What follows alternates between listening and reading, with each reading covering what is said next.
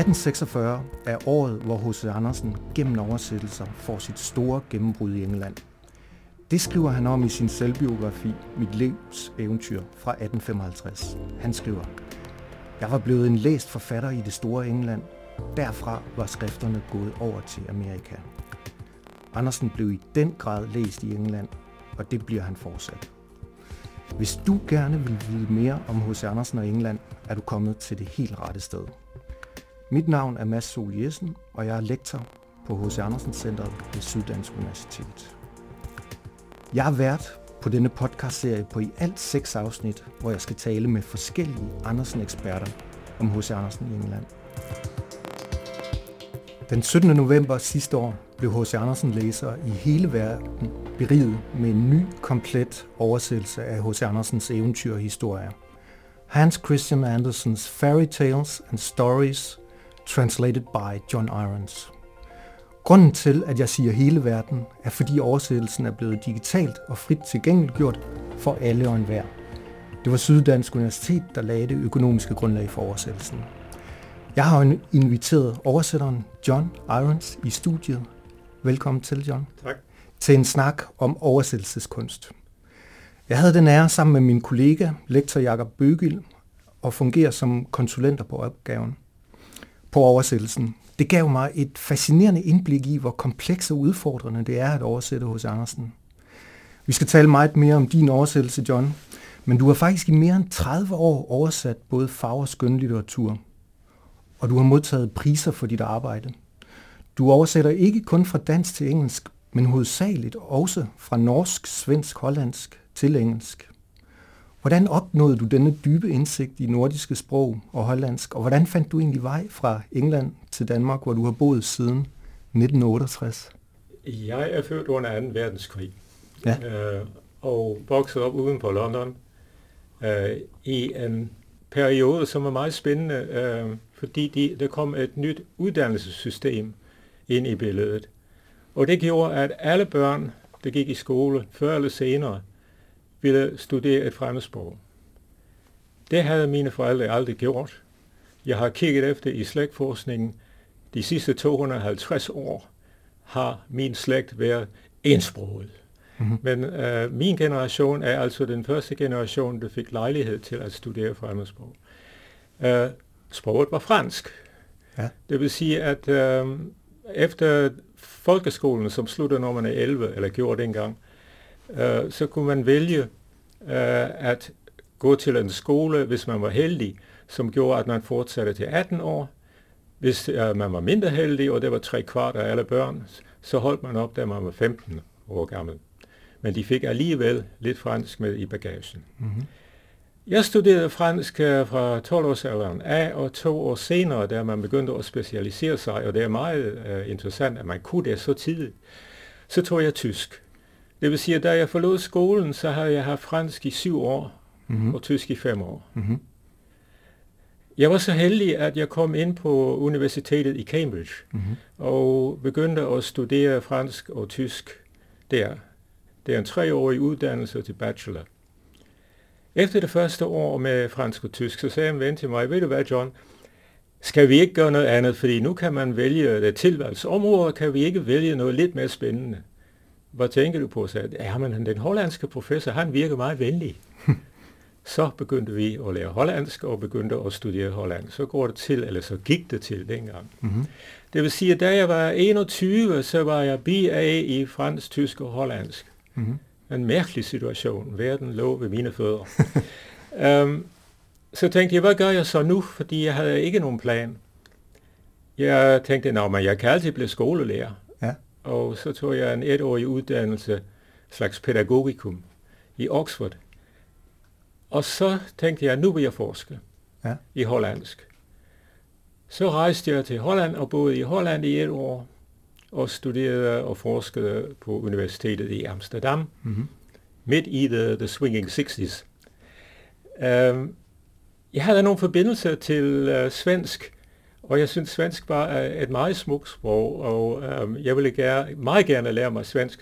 Så begyndte jeg at studere svensk, samtidig som jeg forskede i Holland. Så blev jeg medlem af den skandinaviske forening Yggdrasil, Og uh, så kom jeg i kontakt med folk, der ud over at være hollander, de snakkede svensk og norsk og dansk. Mm. Svensk kunne jeg forstå. Norsk kunne jeg delvis forstå. Dansk forstod jeg ikke kvæk af.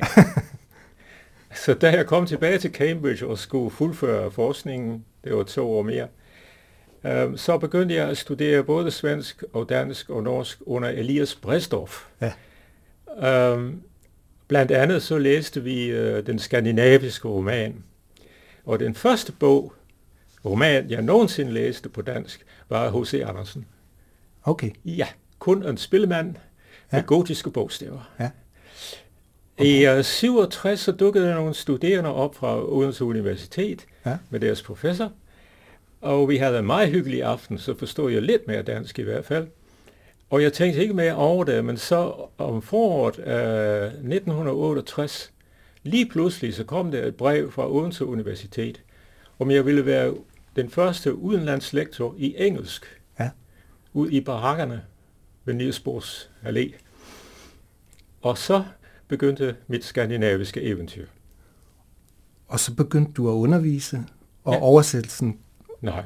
kom ikke med det samme, lidt ikke. senere. Overhovedet ikke. Ja.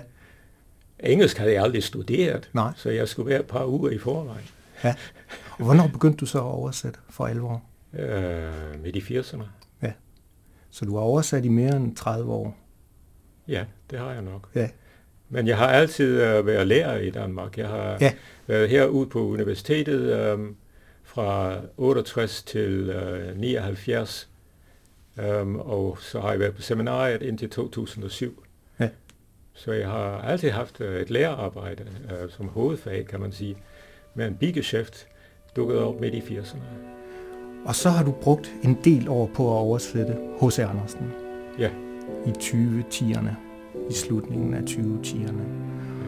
En af grundene til, at jeg virkelig godt kan lide de nye oversættelse af H.C. Andersen, er, at du på en måde er lykkes med at transponere hans særlige prosarytme øh, fra dansk til engelsk. Kunne jeg ikke overtale dig til at læse et bestemt eventyr højt, hvor Andersens eventyrkunst når et tidligt højdepunkt, kan man sige, nemlig Prinsessen på ærten fra H.C. Andersens første eventyrhæfte fra 1835. Det må du meget gerne. The Princess on the Pea There was once a prince. He wanted a princess for himself, but she had to be a real princess. Then he travelled all over the world to try and find one. But everywhere there was something wrong. There were plenty of princesses, but he couldn't quite make out if they were real princesses or not. There was always something that wasn't quite right. So he went back home. But he felt so miserable because he wanted so much to have a true princess.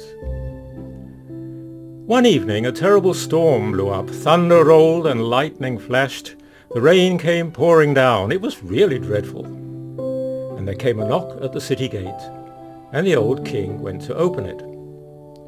A princess was standing outside, but good gracious me, what a state she was in from the rain and the awful weather. The water streamed down from her hair and her clothes, ran in at the toes of her shoes and out at the heels, and then she said she was a real princess.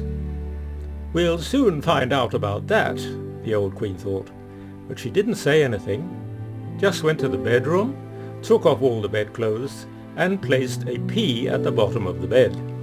Then took 20 mattresses, placed them on top of the pea, and a further 20 eiderdowns on top of the mattresses. It was there the princess was to sleep for the night. In the morning, they asked her how she had slept. Oh, awfully badly, the princess replied. I've hardly slept a wink all night. Goodness only knows what there must have been in the bed. I've been lying on something hard and am absolutely black and blue all over. It's simply awful. Then they could see that she was a real princess, for she had noticed the pea through the twenty mattresses and the twenty eiderdowns. Nobody could be that tender-skinned unless she was a real princess. So the prince made her his wife, for now he knew that he had a real princess, and the pea ended up in the cabinet of curiosities, where it can still be seen, providing no one has taken it. Now that was a real story. Det er et utroligt charmerende eventyr, synes jeg. Øhm, og din oversættelse fungerer utrolig godt. Øhm, H.C. Andersen taler på et tidspunkt om, øh, at øh, hans eventyr i stilen skal man høre fortælleren, sagde han. Sproget måtte derfor nærme sig det mundtlige foredrag. Der fortaltes for børn, men også den ældre skulle kunne høre derpå, siger han. Men her fortæller han for børn. Det gør han. Ja. Og øh, man kan høre det i den allerførste sætning. Ja. Øhm, det er fortællersituation, vi har. Og øh, man kan høre det i, øh, man kan se det, man kan se det i uh, tegnsætningen. Ja. Han, han skriver, there was once a prince, semicolon. Ja. He wanted a princess for himself. Han ville have sig en prinsesse. But she had to be a real princess. Men det skulle være en rigtig prinsesse. Den måde, det, det, det går stik imod det, der er accepteret engelsk syntaks. Ja. Det er simpelthen det, jeg kalder for sproglig grammatik. Ja. Vi er ind, vi kigger over skulderen, vi er med, og han er fortælleren. Og det, det gælder hele eventyret. Og der er utrolig stor forskel på Andersens syntaks, når man bevæger sig op i, i tiden. Så lige pludselig begynder han også at have sætninger, der er virkelig lange, yep. Hvor subjektet nærmest øh, forsvinder. Men her er, i, i begyndelsen er der en, for, det er en forholdsvis enkel stil. Ja, den er meget kontant, ja. og den er meget skarp. Og den er meget skarp, ja. ja. Jeg kunne godt tænke mig øh, at drøfte med dig, hvilke problemer man kan havne i som oversætter. Jeg kan især huske et eventyr, vi talte meget om, øh, nemlig Sommergækken fra 1862. Der øh, var der nogle meget interessante oversættelsesproblematikker.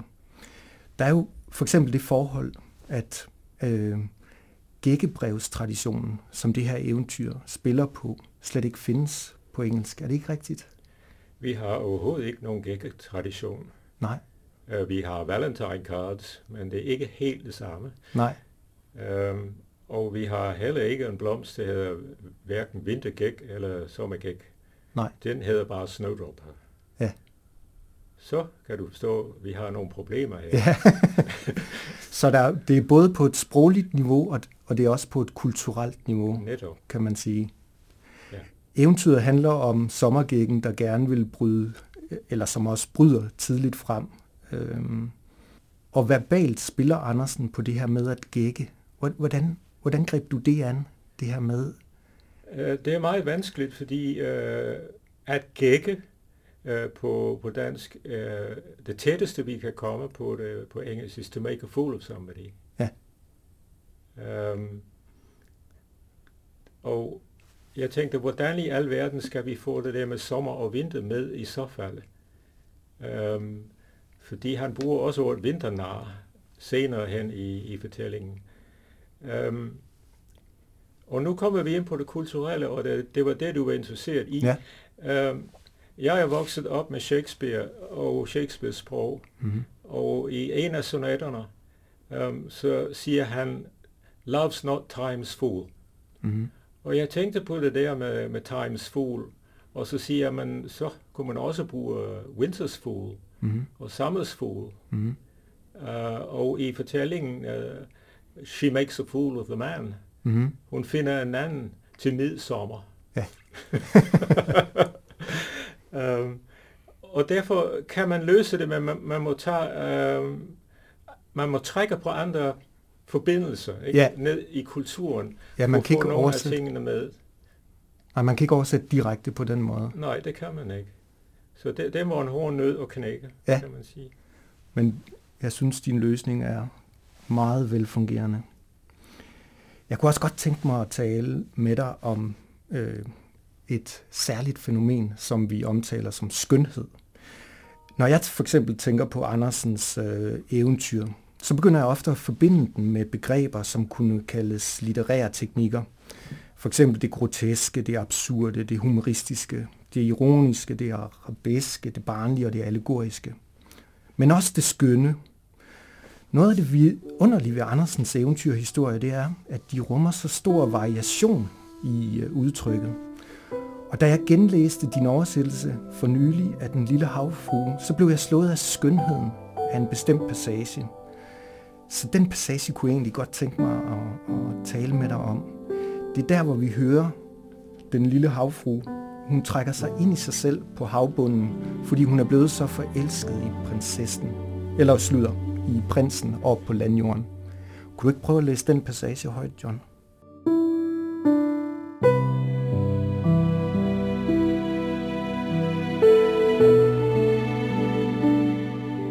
She had always been quiet and thoughtful, but now she was even more so.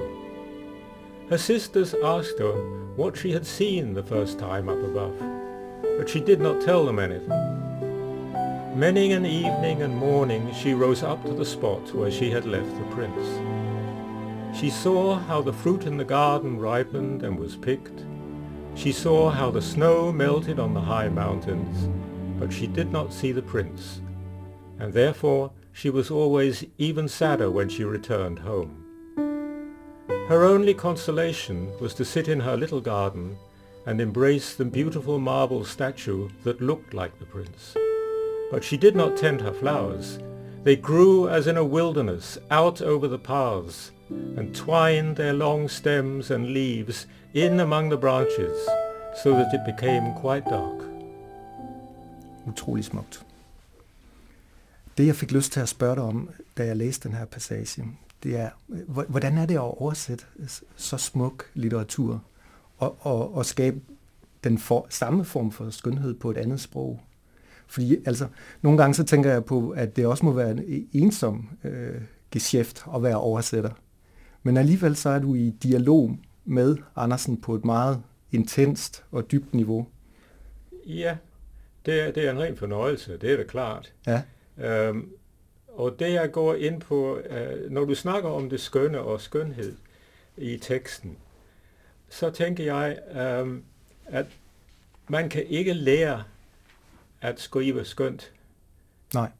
Det vil sige, at jeg kan lære en hulens masse regler om, hvordan overledes man kan oversætte. Men det er ligesom at spille tennis. Hvis, hvis du ikke har det i, i hånden eller i armen, armen, så hjælper det ikke særlig meget. Det vil sige, at jeg har en, en, en speciel teknik, som jeg uh, siger på engelsk. Uh, you put the gearbox into neutral i tomgang. Det vil sige, at jeg prøver at bryde teksten ned i mindre elementer, mm-hmm. mindre enheder. Og så prøver jeg at lade den flyde frit rundt i hjernen. Og uh, det er ligesom uh, yoga. Ja. Uh, og håbe på, at intuitivt, så dukker der ting op. Og det gør det altid. Og ting sker, uden at jeg er klar over det. Og når de begynder at ske, så prøver jeg at bygge op igen til overfladen. Så det er Chomsky, det er ja. Ja, surface structure, deep structure. Jeg prøver virkelig at gå dybt, dybt ned i mig selv. Ja. Og bruge alt det, jeg har af bagage. Og slappe af så skal det nok komme et eller andet. Og det er mange oversætter, det synes jeg er gagak, fordi jeg, jeg bruger det som metode, men det fungerer for mig delvis, fordi det er musikaliteten i sproget her. Ja. Også. Det er ikke bare, at det er, det er, det er ligesom skønne billeder. Nej. Men hvis du kigger efter, hun, hun bruger The Magical Three. Det var det der med, um, she saw how the fruit in the garden ripened and was picked, komma. Mm-hmm. Det er Martin Luther Kings taler. Ikke? She saw how the snow melted on the high mountains, nummer to. But she did not see the prince, nummer tre. Ja. Altså, rent musikalitetmæssigt er det pragtfuldt. Og du associerer ofte til musik, når du oversætter. Meget. Du er kendt for at have oversat utrolig meget øh, lyrik. Ja. Så det musikalske lægger dit hjerte nært, når du ja, oversætter. og, og derfor bruger jeg det. Ja. For jeg spillede meget med min far. Min far spillede violin og batch, og jeg spillede klaver. Ja. Så vi har spillet utrolig meget sammen. Jeg sunget i kor altid. Ikke? Jo. Det vil sige, at øh, min teori er, at hver øh, eneste forfatter har en puls, mm-hmm. og en rytme og en puls. Det er, hvordan teksten ånder. Mm-hmm. Og den skal du prøve at fange, for det er kun H.C., der har netop den puls. Ja. Så at at oversætte en, en masse forskellige forfatter, som jeg har gjort, betyder, at uh, man skal være ligesom kameleonagtig. Man skal prøve at komme ind under huden mm-hmm. og finde den puls. Mm-hmm. Igen, mange synes jeg er gag, fordi... ja, det synes jeg ikke. Sådan er det bare. ja, som, som jeg netop øh, sagde, så er du kendt for at have oversat øh, meget dansk lyrik til engelsk på et meget højt niveau. Du har oversat samtlige af Claus Høgs digtsamlinger til engelsk. Ah, som ikke er, samtlige. Nej, mange. ikke samtlige. Rigtig mange. ja. Er det 11 i alt? Ja, i hvert fald 11. Nej, der er flere, der ikke er kommet ud, men det er, det er 11, det kongelige bibliotek har på ja. deres website. Ja, det er kommet på deres er øh, website. gloser. Ja. ja. Du har også oversat alle 100 digte i den antologi, der hedder 100 Danish Poems, og som er redigeret af Thomas Bredstorff og ja. Anne-Marie Maj. Ja. Og du har også oversat salmer af Kingo Brorson, Grundtvig og Ingemann i en meget flot bog, der bærer titlen Fashioners of Faith, The Danish Hymn Writers, Kingo Brorson, Grundtvig and Ingemann. Jeg kunne godt tænke mig at spørge øh, dig om, hvordan det her, dit dybe kendskab til den ældre religiøse litteratur på dansk og engelsk, har den spillet en øh, rolle i din oversættelse af H.C. Andersen? Øh, den bog, du sidst nævnte, øh, var dedikeret til min far. Ja. Han var, var lægepræst, tror jeg det hedder, eller ikke læge, hvordan det nu skal udtales. Uh, han var ikke uh, godkendt som præst i fuld forstand, men han uh, var metodist, og han uh, fik lov til at tage gudstjenester for eksempel. Mm. Um, og om sådan spillede vi kun sakral musik på klaveret. Mm-hmm. Så jeg har en meget, meget stærk tradition. Jeg har stadigvæk uh, salmebogen med. Den er ved at gå fra hinanden.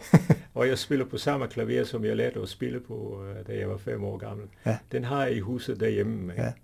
Ja. Uh, så jeg har hele uh, uh, det, det religiøse sprog dybt, dybt ned i mig.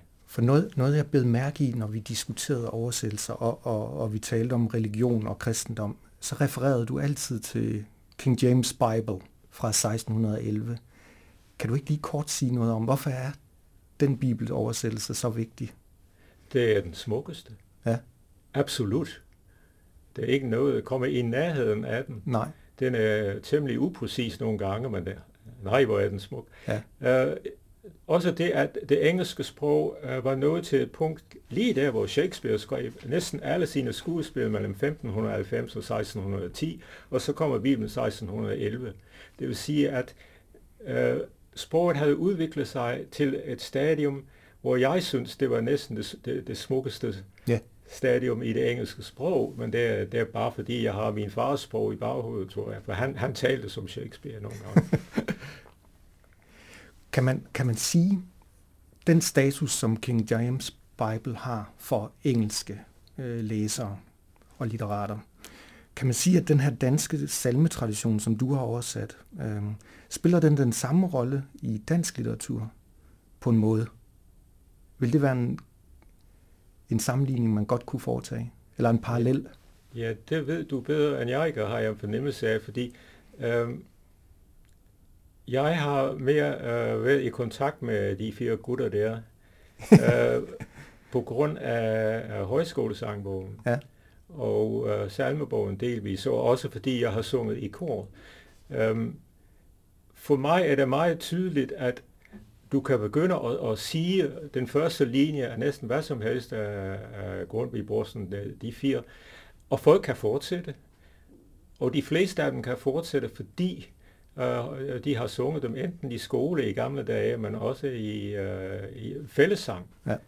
Og um, jeg sagde til dig forleden dag, at en gang om måneden, så tropper jeg og min kone op til Ense Kirke uden for Svendborg, og så har vi fællessalme i, uh, i en time og et kvarter, og folk, som er normalt sådan 60 år opad, de synger, og de bestemmer selv, hvad de gerne vil synge, og de bare råber numrene ud, og vi har alle samme udgaver. Det er meget usædvanligt i Danmark. Den allerseneste udgave, og de er helt med på noderne, de kan det i de nyeste også. Men de gamle, de går dybt, dybt ned, og de binder folk sammen. Ja. Og det er det der med uh, den danske folkekirke. Jeg har en fornemmelse af nogle gange, at den sociale rolle er så enormt vigtig ja. for, for alle, og den religiøse for nogen. Men da jeg sagde det til øh, nogle danske studerende, så fik jeg hak over tuden. Det, det måtte man ikke sige. Nej. Men man kan også sige, at H.C. Andersen spiller en meget stor rolle for, i hvert fald i nogle af hans eventyr. For eksempel Snedronningen for en uh, form for kristen forståelse af, af Andersens eventyr. Altså jeg har lidt den holdning, at, at nogle af hans eventyr tydeligvis er kristne, men så er der også andre, som ikke nødvendigvis kan fortolkes som, ja. som kristne. Ja. Men jeg kunne egentlig godt tænke mig lige før vi øh, slutter, John, at du læste en bestemt passage op fra Snedronningen. Og det er den pas- passage, hvor Kai og Gerda sidder som, som små børn øh, op mellem hustagene øh, og øh, er i en særlig verden, måske en barnetroens verden.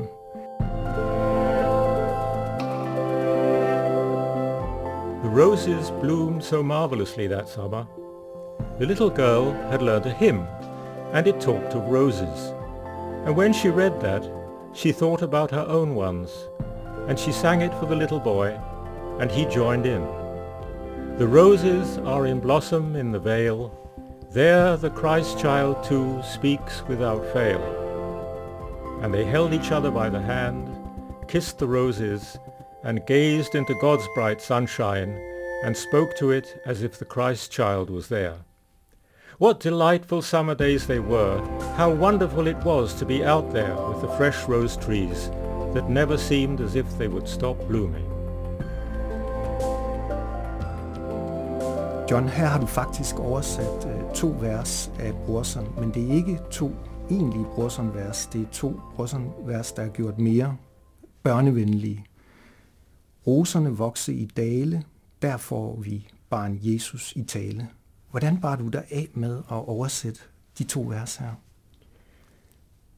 Det er altid øh, lidt af et problem med, øh, med salme og religiøs poesi, for det er delvis religiøs poesi her, ikke? Øh, jeg har en fornemmelse af, at den kører efter nogle andre regler. Mm-hmm. Fordi for det første, det er skrevet for dem, der tror og derfor er det temmelig meget indforstået, at, de at vi ved, at, at det er noget i en dale, for eksempel. Ja. Øhm, Tårnes dale, altså alt muligt. Øhm, og så er det også det, at man skal kunne synge øh, salmer i, i den engelske kirke. Det vil sige, at jeg, alle mine oversættelser af de fire øh, salmedigtere, de kan synges på engelsk. Hele bundet. De passer. Mm. Det vil sige, at jeg overholder, overholder gerne alle de formelle regler, når jeg oversætter den type af poesi. Det er meget ydt for øjeblikket. At, at, at rime, fordi det rimer. Nå, har du valgt at rime? Hvad skal jeg ellers gøre? Det rimer sgu der. Um, og derfor skal jeg have tænkt efter, hvordan kan jeg få det til at rime og passe ind med antal stavelser, så det mm-hmm. kan mhm. synges, og samtidig øh, beholder så meget som indholdet som muligt. Ja. Og øh, du kan se, at jeg har tilføjet, There the Christ Child too speaks without fail. Og jeg mener rent tankemæssigt, så det er i orden, mm. for det er det, man tror. Ja. At han svigter aldrig. Nej. Men jeg får en rim ud af det. Ja. Det kalder jeg for what you lose on the swings, you gain on the roundabouts. så når der er... At man kan kompensere på en eller anden måde, og få det til at, at, at lyde overbevisende i en anden kultur. Så når der er enderim på dansk, så sørger du for, at der også er enderim på engelsk? Det gør jeg næsten aldrig. Uh, undskyld, næsten, næsten altid. Ja. Jeg er meget uvillig til ikke at overholde formelle regler. Ja. Men øh, problemet er, at når du gør det, så må du ikke forvrænge teksten. Nej. Og det, det, det, det er balancekunsten. Mm-hmm. Men med to linjer, så burde man kunne gøre det. Ja. jeg synes i hvert fald, det lykkes perfekt her. Jamen, tusind tak, tak John, fordi du øh, tog dig tid til at, at dele din erfaring med, med øh, at oversætte H.C. Andersen. Øh, jeg kan måske lige øh, runde af med at nævne, at, at hjemmesideadressen, hvor den findes, de nye oversættelse, det hedder www.hcams.andersen.stu.dk tales Og Jeg kan også lige tilføje, at hjemmesiden er under forbedring, så i 24 øh, kommer det til at se endnu bedre ud. Tak for at være med, John. Tusind tak, fordi jeg måtte være med. Ja, tak til David Binser for at styre produktionen, og tak til H.C. Andersen Fonden for økonomisk støtte til denne podcast-serie.